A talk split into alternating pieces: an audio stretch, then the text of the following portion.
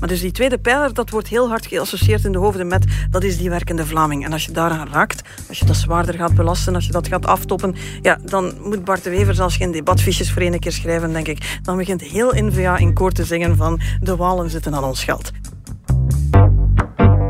Ik mag nog eens op bezoek bij Lisbeth Van Impe voor het punt van Van Impe. S'avonds laat op de redactie van het Nieuwsblad in Antwerpen voor een gesprek over de actualiteit met de hoofdredacteur. Dag Lisbeth. Dag Jeroen.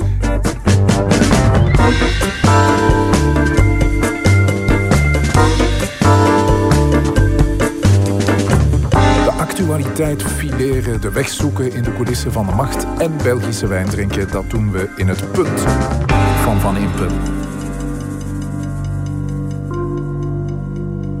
Geen punt van Van Impe zonder een goed glas wijn uit eigen land uiteraard. En dan komen we vaak terecht in de provincie Namen, waar ze intussen een echte rijke wijntraditie hebben. Ik neem je mee, Lisbeth, naar het kasteel van Bioul. Dat ligt in een van mijn favoriete streken in ons land, de Kondros, niet ver van Brussel. Schitterende natuur, heel lekker eten en uh, prima wijn. Château de Bioul is een heel groot wijndomein trouwens. Ik heb de Bat de la Reine meegebracht. De beste uit het gamma. Mm -hmm. ik ben benieuwd. Ik kom tenslotte ik... maar uh, één keer per week langs. Hè. Voilà, en ik weet uit goede bron dat we gisteren wel eh, jouw uh, lieftallige echtgenoot en ik hebben per ongeluk het bier opgedronken dat voor vandaag bestemd was. Dus ik ben blij dat je nog iets in de kast had liggen, Jeroen. Voilà. Maar we gaan eens proeven. Hij ruikt in ieder geval al lekker. De Bat de la Reine van Château de Bioul. Het doet de actualiteit altijd beter fileren, voilà. zo'n glas wijn. Waar maken we vanavond een punt over, Lisbeth? Uh, PFOS, 3M, de vervuiling in Zwijndrecht, daar kunnen we niet rond, denk ik. Uh, na de, de uh, ingebrekenstelling die minister Dimir uh, uitgevaardigd heeft. Ik zou het ook graag willen hebben over de pensioenen, al was het maar... Daar heeft iedereen het over, dus daar moeten we het absoluut over hebben. Ja, al was het gaan... maar om te weten of we daar nog op kunnen rekenen. Voilà. En we gaan eindigen met uh, een van mijn favoriete thema's, dorpspolitiek. Het loopt fout in zoveel gemeenten de laatste tijd. De burgemeesters zijn niet meer zeker van hun stoel. Uh, er zijn intriges en complotten en heel veel drama en daar gaan we toch eens naar kijken. We hebben het er zo meteen over in het punt van Van Impe, de Actua-podcast van het Nieuwsblad. Je vindt hem elke donderdag op nieuwsblad.be en op de bekende podcastplatformen. Waar beginnen we mee, Elisabeth? Laten we maar gewoon met uh, Zwijndrecht beginnen. De vuiligheid die daar in de grond zit. Let's go.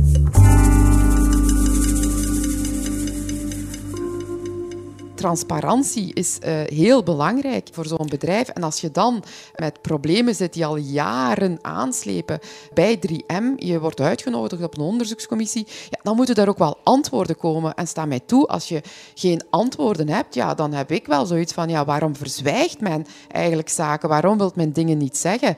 Uh, dus vandaar dat we eigenlijk uh, nog helemaal niet klaar zijn met 3M. Vlaams minister van Omgeving en Energie Zuhal Demir stelt het Amerikaanse bedrijf 3M in gebreken. 3M moet met geld en middelen over de brug komen om de vervuiling in en rond de 3M-fabriek in Zwijndrecht, vlakbij Antwerpen, aan te pakken. Heb ik dat nu goed begrepen, Lisbeth? Gaat uh, Zuhal Demir ten aanval tegen het grote 3M? Ja, het grote 3M. 3M in België, 3M in de VS. Um, maar ook opmerkelijk, een aantal bestuurders worden ook uh, persoonlijk uh, in gebreken gesteld.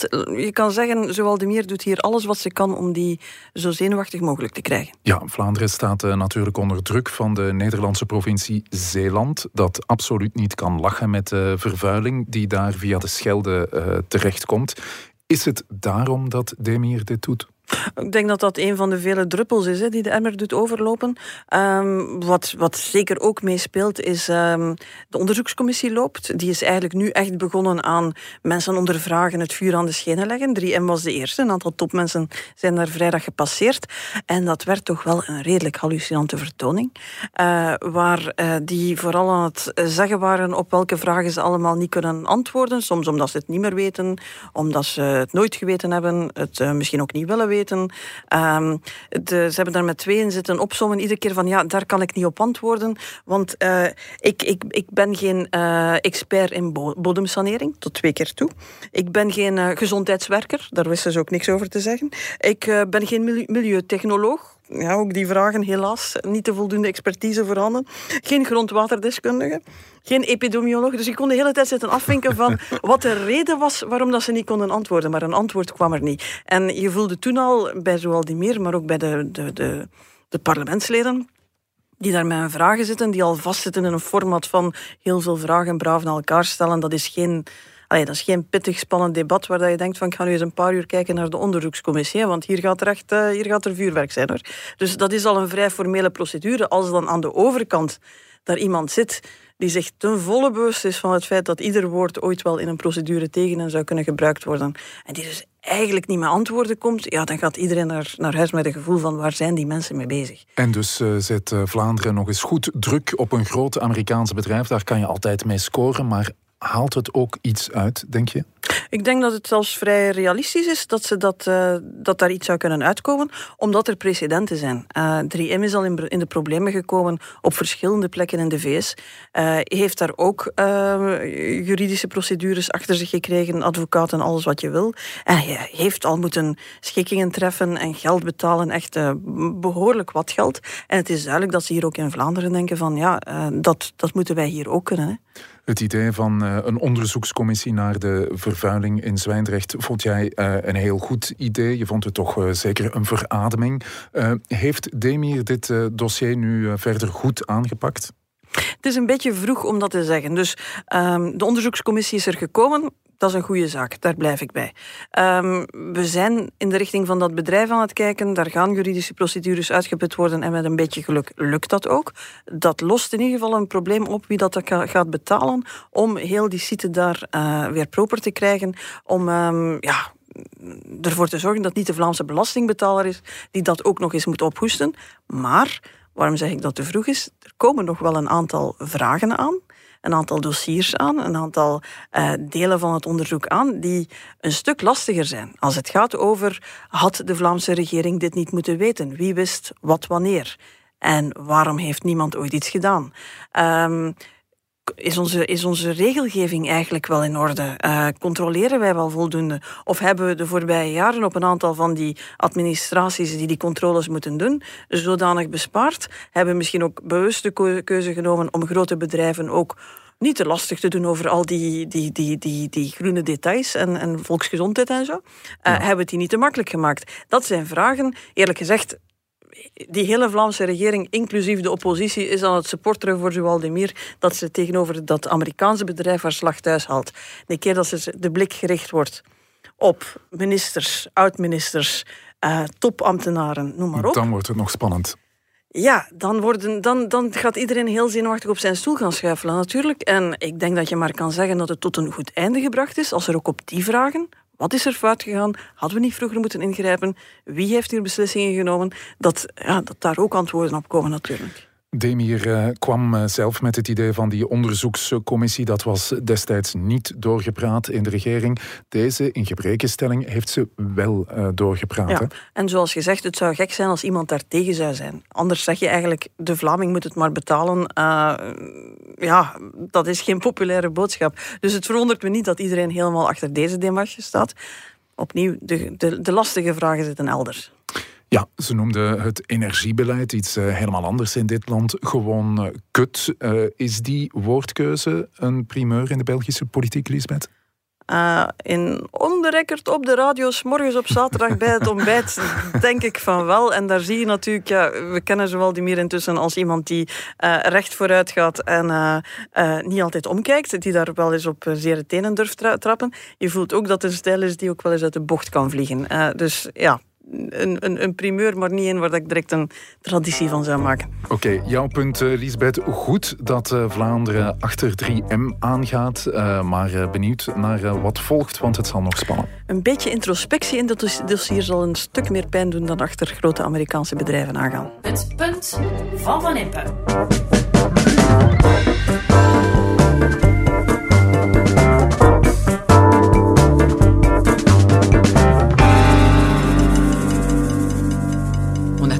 Dans ce gouvernement que la pension ne serait pas une variable budgétaire et les hypothèses que j'ai prises pour la soutenabilité financière, parce que ça doit être soutenable, je suis d'accord, évidemment, sont des hypothèses qui n'intègrent pas une augmentation du taux d'emploi à 80% et qui n'intègre pas une augmentation de la productivité qui se fera grâce au plan de relance.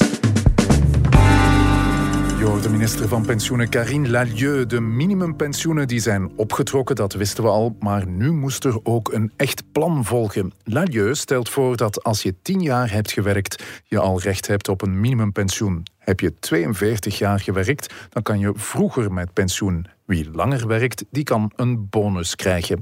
Die minister wil ook de kloof tussen mannen en vrouwen kleiner maken. Het plan, zegt ze, is ook betaalbaar als tenminste 80% van de mensen tegen 2030 aan het werk is. Is dat niet een beetje wishful thinking, Lisbeth? Ja, dat is de grote, de grote goocheltruc. Uh, het kost geld, maar geen probleem. We gaan uh, zoveel mensen aan het werk krijgen dat dat uh, probleem smelt als sneeuw voor de zon. maar, klein detail, op dit moment weet niemand in dit land hoe we 80% van de mensen aan het werk krijgen. Ik hoorde over het eh, voorstel van uh, Lalieu reacties aan Vlaamse kant. Genre, dit is onbetaalbaar, uh, dit is een donkerrood plan. Vond jij dat ook, Lisbeth? Um, dat iedereen op zijn achterste poten ging staan, ik denk dat dat sowieso gegeven was. Ik vind dit geen donkerrood plan, maar ik vind het wel een teleurstellend plan. Um, donkerrood eerlijk gezegd, ik denk de uh, voorzitters, de Vlaamse voorzitters, die zich zo kwaad aan het maken waren, hebben voordat ze zich kwaad aan het maken waren, even een zucht van opluchting geslaakt, omdat een aantal dingen waar ze heel bang voor waren, er niet in zaten. Bijvoorbeeld, ze blijft af van de tweede pijler. Tweede pijler is het pensioen dat je opbouwt via je bedrijf, de groepsverzekering. Um, iets wat in Vlaanderen al heel lang heel populair is. Um, echt, dat is, als je nu spreekt over de werkende Vlaming, ja, die heeft een tweede pijler. En dan heb je ehm, nog een derde pijler, dat is het uh, pensioensparen, het individueel pensioensparen via de bank. Voilà, en de eerste pijler is wat dat gewoon iedereen van de staat krijgt en noem maar op. Maar dus die tweede pijler, dat wordt heel hard geassocieerd in de hoofden met, dat is die werkende Vlaming. En als je daaraan raakt, als je dat zwaarder gaat belasten, als je dat gaat aftoppen, ja, dan moet Bart de Wever zelfs geen debatfiches voor een keer schrijven, denk ik. Dan begint heel N-VA in koor te zingen van de Walen zitten aan ons geld. Zowel bij CD&V, Open VLD waren ze heel bang dat dat er ging in staan. Van de ehm, tweede en de derde pijler is Ladieu gewoon afgebleven. Gewoon afgebleven. Niks mee gedaan. Um, uh, er was ook een schrik in bepaalde middens als ze ging aan die hoge ambtenaren pensioenen raken. Iets waarmee dat je heel veel dingen op zijn kop zet, waar heel veel mensen ook heel kwaad kunnen van worden. Anderen zouden daar heel blij mee zijn, want die ambtenarenpensioenen zijn wel heel hoog en heel moeilijk uit te leggen aan zelfstandigen en werknemers. Maar goed, ook daar, heilig huisje van veel mensen, blijft ze gewoon stilletjes af. Dus als ik zeg dat het teleurstellend is, dan is het vooral omdat er zo weinig in staat. De PS heeft die grote prijs, de socialisten samen hebben die grote prijs van de minimumpensioenen gaan naar 1500 euro, uh, die hebben ze al binnen. Dus ja. zegt ze ook van mijn betaalbaarheid, ja, daar, daar, daar, daar spreek ik mij niet over uit. Dat hebben we al verworven. Ja, het idee was dat de pensioenen een serieuze hervorming vragen. We zeggen dat, we hebben dat gezegd, denk in 2004, in 2008, in 2012, in 2016. We hebben uh, de pensioencommissie gehad. Frank van den Broeke zat daarin. Alexander de Croo was toen minister van Pensioenen. Um, we hebben, herinner je, de Groenboek en de Witboek van, uh, hoe heette de man ook alweer? Dardenne gehad. Ik bedoel, aan studies, plannen, de nood dat we een grote hervorming nodig hebben, geen gebrek. Ja, als je dan kijkt naar wat nu de voorstellen zijn, ja, dat is niet die grote hervorming waarvan iedereen zegt dat we ze toch echt wel nodig hebben. Ja, zeg je nu, de PS uh, eh, heeft dit eigenlijk gewoon voor de, voor de show gedaan, want de buit was al binnen met de verhoging van het uh, minimumpensioen. Dus een echt plan, een echte hervorming is voor de PS gewoon niet nodig. Uh, daar lijkt het in ieder geval een beetje op. En je krijgt dan dus de deus ex machina van iedereen gaat aan het werk zijn, dus het probleem lost zichzelf op. Maar de facto begrijp ik bij de criticasters absoluut de schrik dat je gewoon de factuur aan het doorschuiven bent, dat je de moeilijke beslissingen aan het uitstellen bent. Pensioen is een tanker. Hè. Ik bedoel, daar gaat veel geld naar. Je maakt daar beloftes aan mensen. Je kan ook niet op 1, 2, 3 dat veranderen. Je moet altijd zeggen van, ja, daar gaat een tijd over tegen dat je daar veranderingen laat doorgaan. Want je kan niet aan iemand die 64 is zeggen van, vanaf volgend jaar zal toch een pak minder zijn dan dat je gedacht had. Dat gaat niet. Dus als je het nu niet doet, wanneer dan eigenlijk wel? Je noemde daar eh, de naam van Frank van den Broeke, minister in de federale regering. Niet bevoegd voor pensioenen, maar wel een expert ter zake. Wat vindt hij eh, van dit voorstel? Eh, Frank van den Broeke was degene die in 2004 al zei van als we niks doen, dan wordt het onbetaalbaar. En die binnen die pensioencommissie een heel grondige hervorming, herinner je, dat was het pensioen met punten. iets waar de PS helemaal, ja, helemaal gek van werd. Nu, waar eerlijk gezegd iedereen wel moest bijslikken als je dat zou doen. Uh, maar dat was een verregaande hervorming, uitgetekend door experts. We hebben hem nog niet gehoord. Conor Rousseau heeft gezegd, we hebben het eigenlijk nog niet gelezen, we hebben de nota nog niet gekregen. We moeten het er nog eens over hebben. Uh, iets zegt mij dat er daar een, uh, een beetje op zijn tanden zit te bijten en denkt van, wanneer is mijn moment om binnen de regering. Frank van den Broeke gaat dat niet in de krant doen. Hij houdt niet van dat soort discussies op de markt. Maar het zou mij toch verwonderen als daar binnen de regering op een bepaald moment Frank zijn vinger niet omhoog steekt en zegt van we zouden ook iets drastischer kunnen doen. Oké, de grote hervorming die uh, komt er vooralsnog niet in de uh, regering van uh, De Croo. Opnieuw slaagt een regering er niet in om die pensioenen te hervormen. Ik vraag mij af, kan dat eigenlijk wel in een land uh, als België echt hervormen? Want uh, in België is het compromis toch een way of life. Het is stil aan de vraag of het eigenlijk ooit wel lukt. Hè? Want sommigen die nu heel hard aan het roepen zijn, denk ik van ja, de vorige regering is er ook niet in geslaagd om echt te hervormen. En die ervoor ook niet. Dus het is een, het is een beetje een erfzonde van de Belgische politiek. Het komt niet op goed en blijkbaar doet het er ongeveer niet toe welke partijen er in, uh, in de regering zitten. Maar goed, deze regering heeft uh, weinig uitonderhandeld in het regeerakkoord, heeft heel veel ruimte gelaten. En dan kan je twee, twee dingen gaan doen, want je zegt het compromis, maar compromis kan je op twee verschillende manieren doen. Hè. Iedereen kan zoiets een beetje beige, lichtgrijs in het midden leggen. Zoiets waar niemand echt tegen is. En dan verpak je dat een beetje en zeggen van we hebben een compromis. Uh, maar je kan evengoed zeggen van we beginnen met wit en we beginnen met, met, met, zwart. We kijken waar dat we geraken. Iedereen neemt een stuk verlies, samen neem je een stuk winst. Uh, het is even lichtgrijs wat daar in het midden ligt, maar je komt vanuit een heel andere plek er naartoe. De vraag of deze regering iets zal kunnen doen, is gaan we gewoon hier en daar een beetje schuiven, van, van een beetje beige naar een beetje grijs en een beetje terug. Uh, of gaan we echt wat heilige huisjes lopen, wat fundamentele debatten gaan voeren en een aantal dingen in een nieuwe plooi leggen. Uh, als het het eerste is, dan weet je één ding zeker. De factuur, die wordt gewoon doorgestuurd naar een volgende generatie, naar een volgende regering, naar degene die ooit de moed opbrengt om het wel op orde te zetten. Ja, jij hebt altijd gezegd, uh, uh, Alexander de Croo heeft zijn start niet gemist met Vivaldi, maar het echte werk moet nog beginnen. Dit is het echte werk en we mogen het een valse start noemen. Hè? Het is een valse start nu. Ze hebben het eigenlijk bijna zo goed als erkend. Hè. Dus de nota stond in, uh, in een aantal kranten, wat dus redelijk ongezien is. Een nota waar iedereen rijkhalzend naar uitkijkt. Dat moest een moment zijn. Uh, Karine Lalieu, bij mij weten, pensioen was niet erg betrokken bij de coronacrisis. Heeft dus meer dan een jaar gehad om daar goed over na te denken met een serieus plan te komen.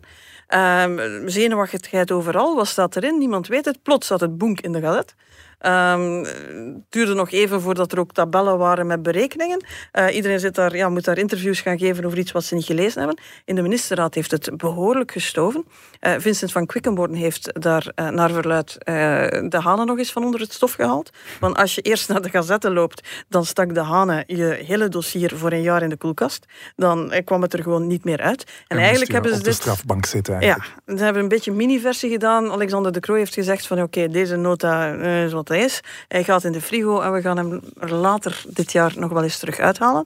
Maar ja, de tijd tikt. Als je een serieuze hervorming wil doen, zal je het nu moeten doen. En dus als eerste hervorming is het een, uh, een beetje een miskleun. En we zijn al aan de volgende begonnen. Hè. Dus de, de conferentie over die fameuze werkzaamheidsgraad is begonnen. Ook daar gaan we een conferentie doen. Lalieu wil ook graag nog eens een conferentietje doen. De relance is bezig in uh, de sector van de zompige broodjes die de conferenties moeten uh, uh, bevoorraden. maar iedereen weet, die conferenties, daar zitten allemaal mensen die elkaar standpunt kunnen dromen. Die als de ene begint, kunnen ze allemaal karaoke-gewijs meelippen, want ze weten wat iedereen denkt. Ja, nu heb je politici nodig die al die elementen pakken en daar iets mee doen. Dat ja. zal Alexander Krode moeten zijn met zijn team. En ja, wij hebben het nog niet gezien. Ja, dat is eh, het tweede punt van Van Impe vanavond. De pensioendiscussie was een valse start. Als eh, Alexander de Croo met zijn regering een voetafdruk wil achterlaten, zal hij beter moeten doen. Het punt van Van Impe.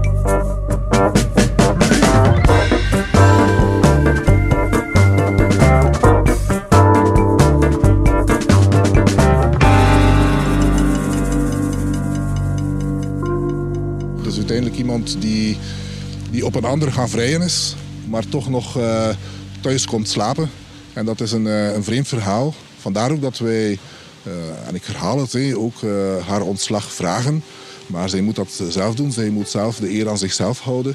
En het, de beslissing hoort haar of haar partij toe.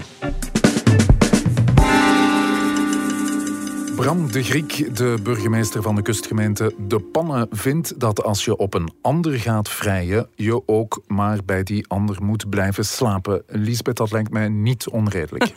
Het is een uh, burgemeester die zich uh, wat heeft laten opmerken in de laatste dagen met zijn uh, metaforen. Hij had ook iets, is een persconferentie geloof ik begonnen met van ik heb mijn slip aan, ik ga er weer tegenaan. Niemand had iets gevraagd, maar de man vond toch dat hij dat met de gemeenschap moest delen. Ja, dus... dat is in De Pannen, maar het is eigenlijk allemaal begonnen in Blankenbergen, niet zo ver daar vandaan, ook aan de kust. Uh, wat was daar aan de hand? Ja, ik moet zeggen, we dachten al dat het spectaculair was in Blankenbergen, omdat daar, je had daar een coalitie, NVA, CD&V. Um, Daphne Dumery van NVA was daar uh, burgemeester. Nu, die had al geen meerderheid meer. Uh, daar was een gigantische opstand aan het ontstaan. Um, de woorden, het is hier dictatoriaal en een falend beleid zijn gevallen. de burgemeester had niet veel draagvlak meer en dus hebben ze een paar naar elkaar gekeken, waarschijnlijk bij een pintje op café, en hebben gezegd open VLD en vooruit nieuwe coalitie, nieuwe burgemeester. We beginnen opnieuw, we maken een doorstart. Maar eigenlijk alles bij elkaar nog niet waanzinnig veel drama. Ja. Maar het was de eerste wissel die we gehad hebben. Ja, en dan kwam er het hartverscheurend eh, verhaal uit de Westhoek in de gemeente Langemark. Poelkapelle, twee jeugdvrienden, die staan daar nu met eh, getrokken messen tegenover elkaar. De NVA stootte zijn eh, CD&V-vriend en collega van de burgemeesterstroon Nooit zal ik nog met hem een pint drinken, al dus de CD&VR. En dat net voor Poelkapelle Kermis. Wat is daar aan de hand? Ja, dus uh, eh, 44 jaar vrienden van in de peuterklas, is ons verteld. Uh, in 18 zeiden ze nog van, dat maakt juist, ja, dat maakt dat je samen aan politiek kan doen en mooie dingen voor de gemeente. Nu, de pintjes in Langemark Poelkapelle zijn daar blijkbaar een thema, want de burgemeester was naar zijn vermoedelijk laatste gemeenteraad gekomen met de fiets, zodat hij daarna na de gemeenteraad nog een pintje kon gaan drinken met de vrienden om alle teleurstelling weg te spoelen. Hij had het op Twitter moeten lezen dat hij uh, uh, aan de kant zou gezet worden. Maar wees gerust, ook hier de slaapkamermetaforen. Iedereen beschuldigt in Lang Langemark Poelkapelle iedereen van uh, scheefpoeperij en overspel. Iedereen was blijkbaar met iedereen aan het spreken om elkaar een loer te draaien. De nieuwe burgemeester vindt evident dat hij nog met iedereen, exclusief zijn concurrent, een pintje kan gaan drinken. Maar het zal er niet direct van komen, denk ik. Ja, maar het strafste verhaal was toch uh, dat uit de pannen hè, zijn de sleutels van het eh, gemeentehuis daar intussen al in de juiste handen? Wel, intussen wel, want de oude burgemeester die afgezet is, is intussen ook weer de nieuwe burgemeester. Je hebt hem daarnet gehoord, de heer De Griek. Uh, is, was burgemeester, was het dan één week niet meer. Um, ook daar was er uh, wat overlopers en een alternatieve coalitie. Anne van Este heeft zich ongeveer een week burgemeester kunnen noemen. Maar na een week is ze, zelfs die komen opdagen op de gemeenteraad, is ze eigenlijk uit de politiek gestapt en is Bram De Griek terug uh, burgemeester. En dat was wel handig, want hij had dus inderdaad de sleutels van het gemeentehuis nog niet overgeleverd. Hij wou naar de Raad van State trekken, alle juridische schuiven opentrekken. Uh, ook de wachtwoorden van de sociale media, het is 2021, ook in de pannen, um, uh, waren uh, nog netjes in de kluis blijven liggen. Nu, het is daar wel het is daar heel hard gegaan. mensen zeggen dat hun kinderen bedreigd zijn. Daar stonden echt mensen te joelen. Je had de bestorming van het Capitool in Washington. Ja, ze hebben op een bepaald moment in de pannen een beetje dezelfde schrik gehad dat als ze het nog verder aan het oppoken waren, dat daar een bestorming van het gemeentehuis ging gebeuren. Dus blijkbaar als je daar buiten kwam, stonden daar mensen te joelen, de twee kampen tegenover elkaar. Uh, het is ja, je kan moeilijk zeggen dat de politiek daar een, uh, een heel mooie beurt gemaakt heeft. Het is een fantastisch verhaal, want het gaat eigenlijk van uh, vader uh, op kind. Hè? 25 jaar geleden hebben de respectievelijke vaders net hetzelfde gevecht uitgevoerd en hebben ze ook elkaar het burgemeesterschap afgesnoept. Dus je ziet maar vetes in de dorpspolitiek, die blijven duren. Ja, Lisbeth, jij kent de regio, jij spreekt de taal ook. Is het toeval dat dit allemaal in West-Vlaanderen gebeurt? Het schijnt van wel. Um, de timing, je kan zeggen wat is daar nu plots allemaal aan de hand. De timing heeft gewoon te maken met het feit dat er een nieuw decreet in werking getreden is. Bart Somers heeft zijn decreet lokaal bestuur halfweg uh, augustus in werking laten treden. Herinner je, daar zitten wel meer maatregelen in. Daar zit onder andere in dat we niet meer moeten gaan stemmen voor de lokale verkiezingen. Uh, daar zit bij dat we de burgemeester op een andere manier gaan aanduiden. Uh, dat de grootste fractie degene met de meeste voorkeurstemmen. Dus dat zou het gemanoeuvreer naar de verkiezingen misschien wat moeten beperken. Maar daar zit ook in dat we um, makkelijker van coalitie kunnen wisselen. Vroeger moest je eigenlijk um, eerst twee, drie jaar ruzie maken. Je moest officieel de uh, onbestuurbaarheid vaststellen. Dat is zo'n beetje als bij een, een, een, koppel dat uiteen wilt gaan, maar nog een goede reden moet hebben voor de rechter. En die stuurt iedere keer terug en zegt van ja, maar probeer het nog een keer voor de kindjes en noem maar op. Nee, nee. Hier wordt er gezegd van als je wil wisselen en je vindt een nieuwe meerderheid, dan kan je eigenlijk met een eenvoudige stemming rond een constructieve motie van wantrouwen heet dat dan, in de gemeenteraad de wissel doorvoeren. Er hebben duidelijk een aantal coalities op vinkenslag gelegen om uh, dat te doen zodra het decreet in, uh, in werking trad. Maar goed, drie op 300 gemeenten. Het rommelt ook nog in Eeklo, maar dat is niet West-Vlaanderen. Dat is het um, Meetjesland, hè? Dat is net over de grens, dus dan, dan is er uh, toch een, een niet-West-Vlaamse ja. die zou meedoen. Maar dus een um, motie van wantrouwen indienen is een stuk makkelijker geworden. Dat ja. zou voor meer stabiliteit moeten zorgen. Maar is dit nu niet net het uh, tegenovergestelde wat uh, bereikt wordt? De eerste indruk nu natuurlijk is, is, is dat het voor meer instabiliteit zorgt. En, en, en, dat in elke gemeenteraad nu het vuurwerk kan afgaan en, en geen enkele burgemeester nog veilig is. Nu, waarschijnlijk zal dat niet het geval zijn. Mocht dat wel het geval zijn, dan, dan dan gaan ze toch nog iets moeten doen. Wat je wel voelt, het is een nieuwe procedure. Zeker in de pannen is er meteen met de Raad van State en juridische procedures uh, gedreigd. Waarbij je dus voelt van ja, uh, wie weet hebben ze wel al een paar zwakke plekken gevonden. En zal er nog moeten gekeken worden of de procedure nu eigenlijk effectief uh, helemaal kan, kan, kan goed uitgevoerd worden. En dat je dus op een bepaald moment die, die, die wachtwoorden van die sociale media toch echt wel moet gaan doorgeven. Ja, deze verhalen kunnen wel één ding aangeven, Lisbeth. Uh, 2024, de verkiezingen, speelt dat nu al? Het zou best kunnen dat dat ook al een beetje een factor is. Het, het, het decreet waarover we het hadden um, gaat wel een nieuwe dynamiek teweeg brengen met, met die burgemeester met zijn voorkeurstemmen uit de grootste fractie. Uh, dat is de grote, de kleine partijen, ze moeten zich er allemaal toe verhouden. Uh, die stemplicht die afgeschaft wordt, wie weet wat dat gaat geven. Dus het zou best kunnen dat dat ook wel een, een factor is die voor wat zenuwachtigheid zorgt. Jouw punt, uh, Lisbeth. Geen paniek. Het nieuwe decreet lokaal bestuur zal uh, de boel niet overal doen ontploffen. Uh, nee, daar ziet het niet naar uit. Maar je moet wel eerlijk zijn. Het was niet altijd een fraai spektakel. En voor de betere soap moest je deze zomer niet bij thuis en familie zijn. Maar laten we zeggen in de pannen zeker. Het punt van Van Impe.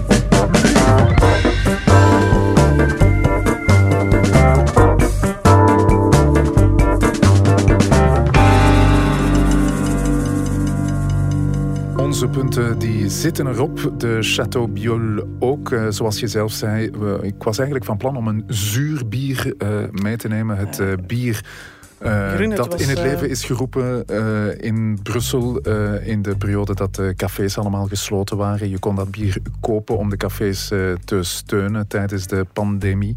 Een, um, Ik vond het bijzonder lekker gisteravond. Ja, een, een heerlijke mix tussen geuze en trippel. Wat Absoluut. wil een mens meer? Maar deze biel die smaakte ook. Absoluut. En zo heb ik twee keer drank gekregen deze week van jou. Dus ik ben zeer tevreden.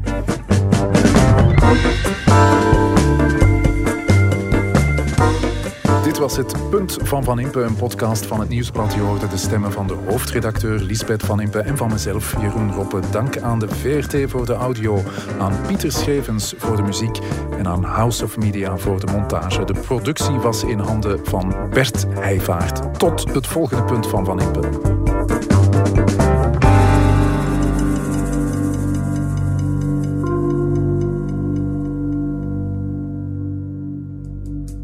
Heb je de andere podcasts van het Nieuwsblad al gehoord? Stemmen van Assise, Slimmer Leven, de sportpodcasts, Shotcast en De Koers is van ons.